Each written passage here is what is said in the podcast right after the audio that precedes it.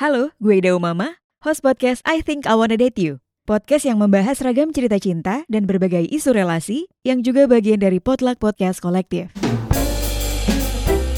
Dalam rangka menyambut bulan Februari yang disebut-sebut sebagai bulan penuh kasih sayang, I Think I Wanna Date You bakal open submission atau membuka kesempatan nih buat kamu yang pengen ngirim surat cinta.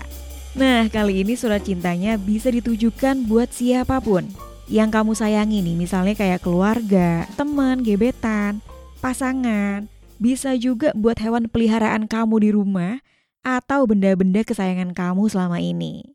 Surat cinta kali ini juga mengusung tagar Surat Cinta 2022 dan ada dua macam tema yang bisa kamu tulis. Oke, yang pertama nih ya.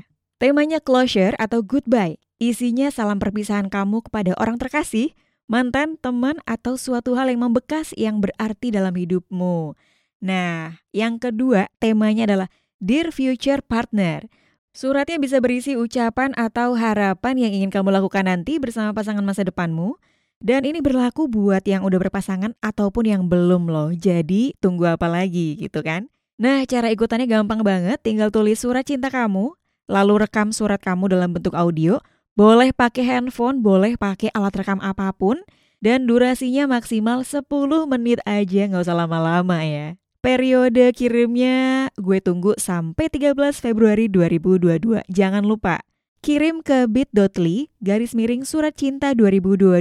Nanti teman-teman boleh nyontek tautan atau link yang ada di cover episode ini.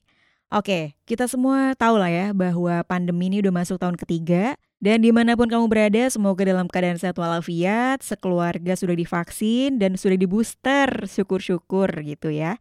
Bisa dibilang kita udah mulai familiar sama keadaan baru, walaupun gue yakin gak mudah ngelewatin masa-masa ini. Makanya gue harap dengan membuka kesempatan berkirim surat, kita bisa nyampein apa-apa yang selama ini kita pendam, kita takutin atau sungkan gitu ya, kita tunda-tunda. Sedangkan kita udah sama-sama belajar nih, nggak ada yang tahu kondisi ke depan seperti apa. Jadi buat kamu yang pengen nyatain perasaan sama seseorang, mau rekonsiliasi mungkin ya, atau pengen ngungkapin perasaan apa pun deh, menurut gue sih mendingan diluapin sekarang.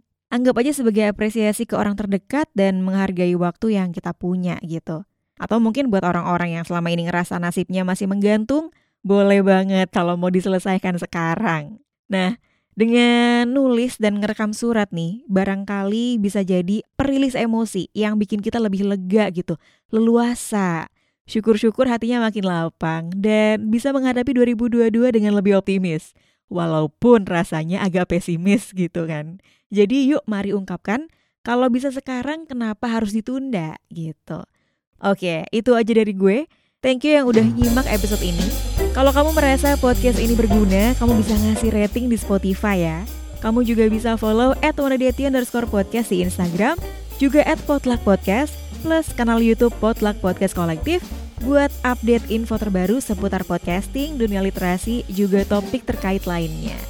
Well, don't forget to be happy and see you next time.